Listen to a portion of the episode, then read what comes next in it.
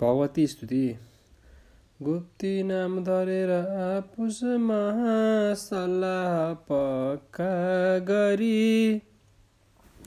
तेह्रौँ वर्ष लुकी बिताउन हिँडे पाँचैजना त्यो घरी। शोभा दिव्य विराट नगरको हेरेर चारैतिर। केही बेरपछि पुगे तिनीहरू दरबारको केही वर। वैशम्पायनले भने नरपते रक्षार्थ पाइ बर राखी शस्त्रहरू सुरक्षित गरी के कालको खातिर। लागे पस्न विराटका नगरमा ती पाँच भाइ जब के गर्दा सुख साथ वर्ष दिन यो काटिन्छ हाम्रो अब? यो चिन्ता मनमा युधिष्ठिरजीको बढ्दै गए थियो अति। सम्झेरै मनले जग जननीको गर्नुभयो स्तु गर्नुभयो यो स्तुति। लीला गर्न पनि गएर ब्रजमा चौधै भुवन कि धनी। रक्षा गर्न भनेर भक्तजनको जन्मिन दयालु बनी। जसको दिव्य प्रभावले कुल भयो श्रीनन्दको उज्वल फैलेको छ सुकीर्ति लोकभरिमा जसको सदा निर्मल। मार्नुभयो भयभीत कंस कन जो सानै छँदा बालिका। आँट्यो मार्न भनी जसै गगनमा जानुभयो कालिका।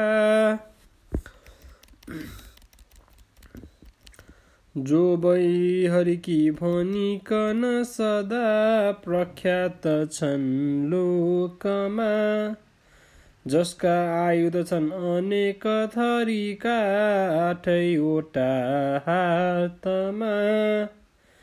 गर्छिन् नाश सधैँ बजो असुरको काल स्वरूपी बनी। सम्झन्छु मनले तिनै जननीको पाउँ सुरक्षा भनी। उतार्ने दुष्टात्मा असुर जति भारी उतार्ने दुष्टात्मा असुर जति भारी पृथ्वीको दया पाऊ भन्छु म अनि दब दुर्गे हजुरको। सदा जो श्रद्धाले हजुर कन सम्झन्छ मनले। सुखी होला सारा दुःख फजिती जानेछ क्रमले कुनै निर्धि गाई यदि कहीँ हिलामा गाडी गए उतार्छन् सजनले जसरी गरिरक्ष यतनले। हजुरले त्यस्तै नै गरिकन दया भक्तजनको। ठुलो यो संसारी सुख दुःख हारिदिनुहोस् ताप मनको चारवटा बाहुलीमा समर विजयका शस्त्र छन् विष्णु रूपा। बाँकीका चार बाहु अभय बरदिनेश्वरी ब्रह्म रूपा। ज्योति औ तेज साक्षात शशिवरी मुखको कान्तिले पूर्ण सभा तिम्रो सौन्दर्य बालानुसरी तिनको दिव्य शोभा अपूर्व। हिरा मोती र पन्ना मणि जडित दुवै हातमा श्रेष्ठ बाला। टल्किएको सूर्य जस्तै मुकुट जगनमा लत्रिने केश काला। तिम्रो सौन्दर्य देख्दा रात रति शरीर रमा मान्दछन् खुब लाज। दुर्गे उद्धार गर्नुहोस् विपत्ति जलधिमा गाडिएको छु आज। कालो कृष्ण समान रूप भवमा विख्यात तिम्रो हुँदा। जप्छन् लोकहरू प्रसन्न मनले कृष्ण भनी सर्वदा। दुर्गे उज्जवल ब्रह्मचर्य व्रतको गर्ने सदा पालना।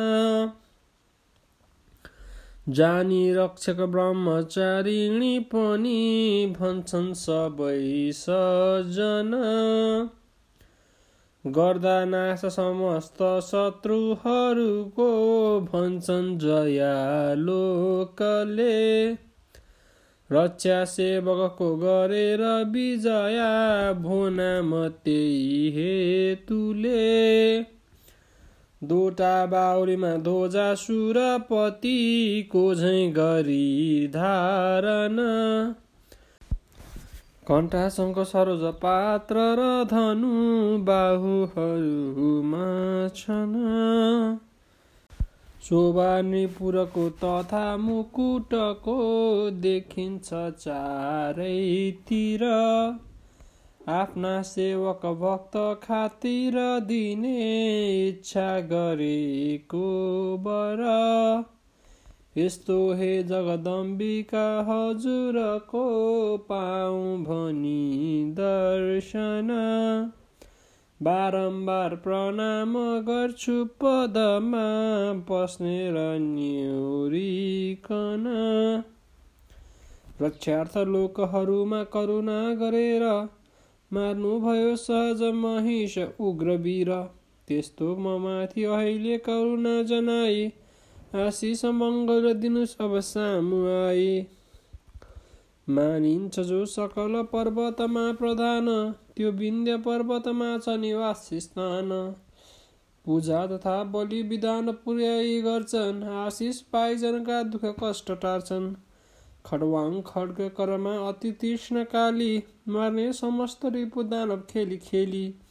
दुर्गे जगत हे करुणा निदान इच्छा अनुसार वरदान दिने प्रधान। आपत्तिमा स्मरण पूजन भक्ति साथ।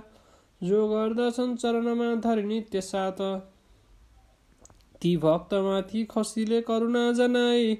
सङ्कष्ट टारिदिनुहुन्छ सधैँ बधाई कीर्ति कीर्ति सिद्धि दिति प्रभा अरु दया ज्योत्स्ना क्षमा सन्तति श्री लज्जा शुभ रात्रि सन्ध्या र रमा निद्रा र कान्तिमती दुर्गे नाम अनेक छन् भुवनमा विख्यात तिम्रो तर। इच्छा माफिक जप्त चञ्जनहरू कल्याणका खातिर।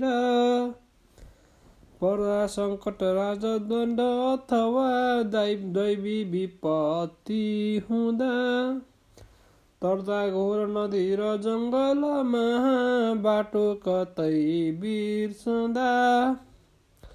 ठुलो दैहिक ताप भौतिक कतै आइपरेका घरी। तिम्रो केवल रामको स्मरणले जाला विपत्ति हरि। पानीमा यदि कोही आत्तिन गए डुब्ने स्थितिमा परी। पापी दुष्ट र चोरको पथमा फेला परेका घरी। आदि व्याधि सुपुत्रको र धनको साम्राज्यको नाशमा। जसले गर्दछ सम्झना हजुरको पर्दैन आपत्तिमा। राज्य भ्रष्ट भएर हे भगवती अहिले म छु दुखित। चाँडो दर्शन बक्सियो सजुरले मेरो चिताइहित हाम्रा निम्ति हजुर बाहिक कुनै छैन नरु रक्षक जान्दैनौ मैमा पनि सकल छौँ हामीहरू बालका। बारम्बार गरे पुकार जननी पाऊ भनी दर्शन। मोती झैँ दुई नेत्रबाट जलका धारा बगाइकन तिनको स्तुतिले प्रसन्न हुनुभयो दुर्गा भवानी जब। सामु धर्म कुमारको प्रकट भई दर्शन दिनुभयो तब।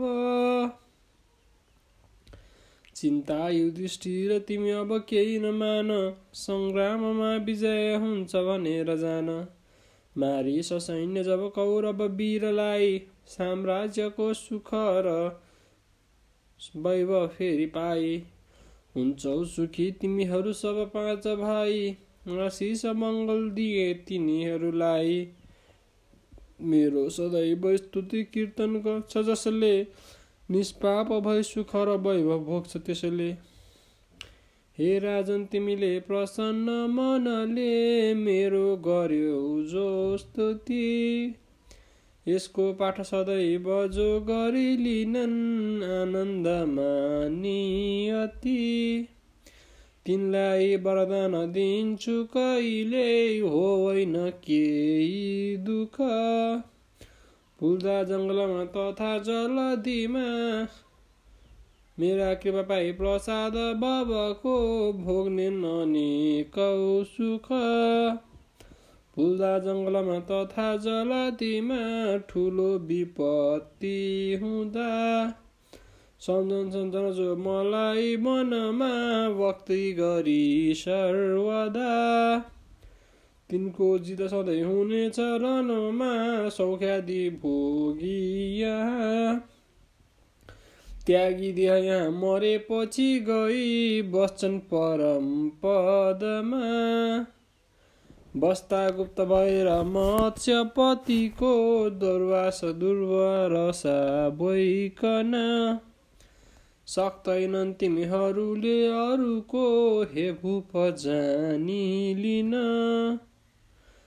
रक्षाको वरदानको पाण्डवहरूलाई दि राम्ररी अन्तर्दान भई त्रिलोक जननी पाल्नु भयो त्यही घरी।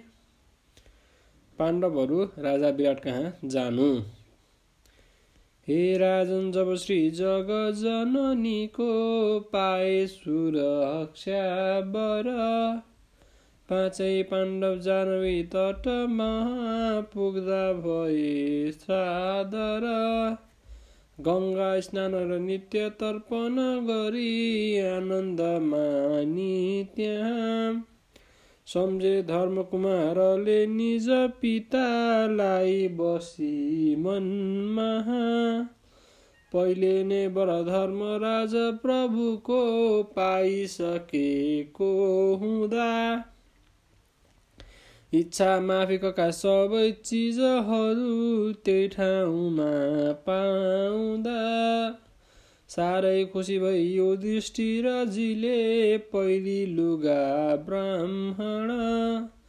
पासा रत्न समान सुन्दर सपा थर्किली त्यही क्षण। हिँड्छन् मत गजेन्द्र गङ्गलमा निर्भीक जुन चालले। पहुँचे धर्मकुमार मत्स्यपतिको सामु त्यही चालले। कीर्ति वैभव पराक्रम थियो विख्या संसारमा जसको आदर्शी महेन्द्र सरीको हुन्थ्यो सदा लोकमा।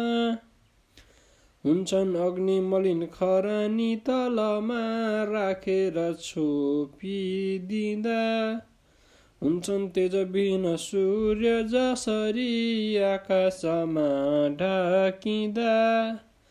त्यस्तै कौरव वंशका तिलक झैँ राजा भए तापनि। जानी दैवगति युधिष्ठिर गए अत्यन्त दुखी बनी। टाढैबाट पनि विराट नृपले तिनलाई देखे जब। शङ्का पर्न गई सभासदहरूलाई सुध्याए तब। देखेको पहिले थिएन अहिले को हुन् र आए किन? देखिन्छन् दुर्योधन तथापि तनमा सूर्यका लक्षण।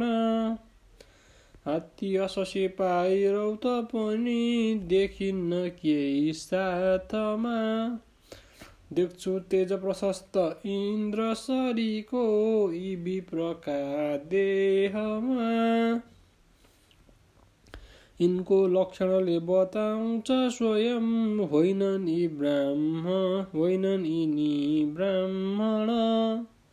आए विप्र पनि सभा बिच पर्दा कुनै कारण। लामा बाहु विशाल नेत्र तनमा छन् चिन्ह भूपालका।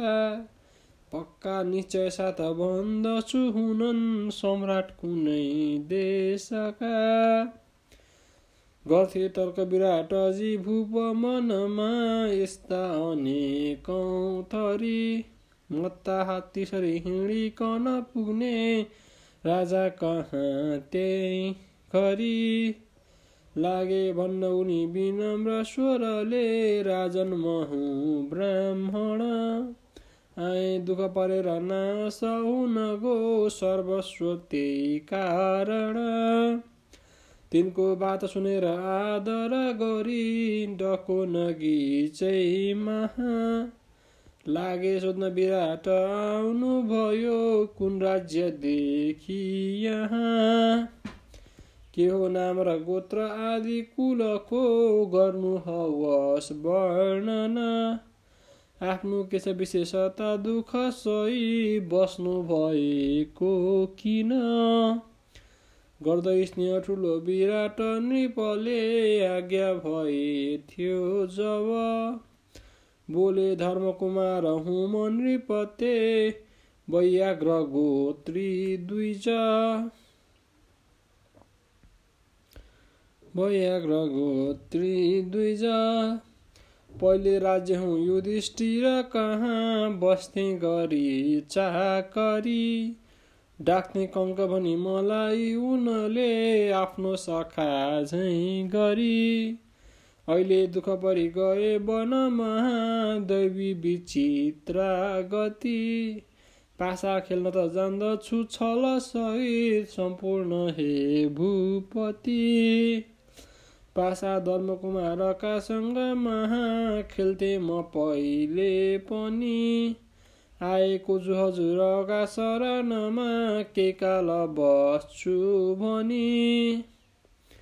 तिनको बिन्ती सुनि विराट नृपले भन्दा भए सादर। साह्रै खुसी भए प्रसन्न मनले मागेर लिऊ बर। आज्ञा दिन्छु तिमी स्वयं गर बरु यो देशको शासन। गर्छु आदर्शिरको र गुणको मैले सदा ब्राह्मण। बोले धर्मकुमार हे नरापते माग्छु म एउटा बर खेल्नेछु म हजुरका महा जुवा खुसीले तर। मेरो जित हुँदा कचिङ्गल गई सम्पत्तिका खातिर। मेरो त्यो धन कोही खोज्न नसकुन् मानेर ठुलो डर। गर्ने छैन विवाह त निचसँगमा कस्तै परे तापनि। यो स्वीकार हजुरले गरिदिए बस्ने थिएँ लौ भनी। लागे भन्न विराट बोप खुसी भई तत्काल हे ब्राह्मण। तिम्रो बेदबी गर्यो यदि भने मानिन्छ मारिन्छ त्यो दुर्जन। देशैबाट निकालिदिन्छु यदि त्यो व्यक्ति भए ब्राह्मण। मेरो उर्दी सबै सभासद पनि शङ्का नमानी सुन गर्नु आदर कङ्कको सकलले मेरो गरे झैँ गरी। मेरो झैँ त बस्न आसन दिनु खाने कुरा राम्ररी। गर्नन् काम सहर राज्यभरिमा आइपरेको सब मेरा मित्र भई सभा बिच बसी न्याय गर्नन् अब। यस्तो यस्तो स्नेह गरी विराट नृपले आज्ञा भएको सुनि। लागे धर्मकुमार बस्न त्यही न त्यही नै प्यारो सखा झै बनी। बस्दामा त्यसरी सभा भवनमा तिनले विचारी बनी। पहिचान गर्न सकेनन् पाण्डु कुलमा राजा यिनै हुन् भनी। जो शक्ति बलवान शत्रु र नमा सम्पूर्ण मारिदिन। त्यस्तो भीम पुगे दुवै करमा डाडु पन्यु लिकन। हिँड्छन् मस्त भएर सिम सरी जसरी एक्लै ठुलो वनमा फान्चे रूप भई खडा हुन पुगे राजा विराट छन् जहाँ। देखे ते तिनीलाई मत्स्यपतिले टाढै उभेका जब आफ्ना श्रेष्ठ सबै सभासदहरूलाई सुध्याए तब तेस्रै बजछरी कठोर तनको शोभा फिजाई त्यहाँ। जसको तेज थियो दिवाकर सरी टल्किरहेको उहाँ। को हुन् यी बलवान सिंह सरीका के भन्न आए यहाँ? हेर्दैछन् किन हो यतैतिर तिनी इच्छा छ के मनमा? देखेको पहिले थिएन निजै मानिस कहिले पनि। ठान्छु इन्द्र हुन् भनेर अथवा गन्धर्व नै हुन् यिनी। मेरो सामु खडा हुने युवकको जानेर इच्छा पुरा। आओ दूतहरू सुनिकन छिटै तिनले भनेका कुरा। राजा ग्याचरले गइकन भने श्री भीमलाई जब सामुन्ने नृपको उभिकन भने शङ्का नमानी तब। मेरो बल्लभ नाम हो नरपते गर्छु भनी चाकरी। आएको छु हजुरको महलमा भान्से भनी यो घरी। गर्नेछु म तयार। इच्छित स्वयं धेरै थरी व्यञ्जन। इच्छा पूर्ण हुने छौलौ हजुरको खाएर त्यो भोजन। पान्छे काम गरी यो दृष्टि कहाँ पहिले बसेको थिएँ। अहिले काम नपाउँदा हुँदी हुँदी यहीँ बस्ने इरादा लिए मेरो एक विशेषता नरपते अर्को छ यो देहमा। हात्तीलाई पछार्न एक करले सक्छु लडी भूमिमा। योद्धा वीर पराक्रमी पहलवान यो देशमा छन् जति। सारालाई पछार्दछु म सहजै एक्लै लडी भूपति। लड्नेछु म मृगेन्द्रकासँग पनि मौका विचारिकन। हेर्दा खेलहरू निकै हजुरको होला मनोरञ्जन। लागे भन्न विराट भूप मनमा शङ्का परे झैँ गरी। पान्छे हुँ तिमी भन्दछौ स्वरूपता देखिन्छ राजा सरी। शक्तिमा बलमा पराक्रम तिमी राजा हुने योग्य छौ अहिले कारण के परिकन तिमी भान्चे महु भन्दछौ तिम्रो योग्य थियो बरु गरिदिनु यो राज्यको शासन भान्से हुन्छु भने पछि हुन गई लाचार त्यही कारण भान्साका अघिका भए जति सबै मानिसका मालिक। आजदेखि भयो प्रसन्न मनले बस्नु बनी रक्षक। राजाको चुनि यो हुकुम मनमा दुखी भए तापनि लागे बस्न हुकुम चलाई सबमा श्री भीम भान्से बनी। बस्दा कष्ट सहेर मत्स्यपुरमा श्री पाण्डुका पुत्रले। कहिले चिन्न सकेनन् हे नरपते तिनलाई ती व्यक्तिले। मुष्टि प्रहार गरी पर्वतलाई चूर्ण पार्ने थियो शरीरमा बल शक्तिपूर्ण त्यस्ता पराक्रमी भए पनि दैव लागि बस्नु पर्यो सकल वैभव राज्य त्यागी। हे राजन यसरी नियुक्ति हुन गो भान्सा महाभीमको।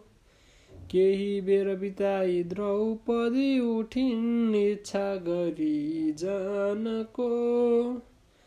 काला कोमल केशलाई बटुली जुरो बनाइकन। मान्दै कष्ट ठुलो गरेर तनमा दासी सुरी पहिरन।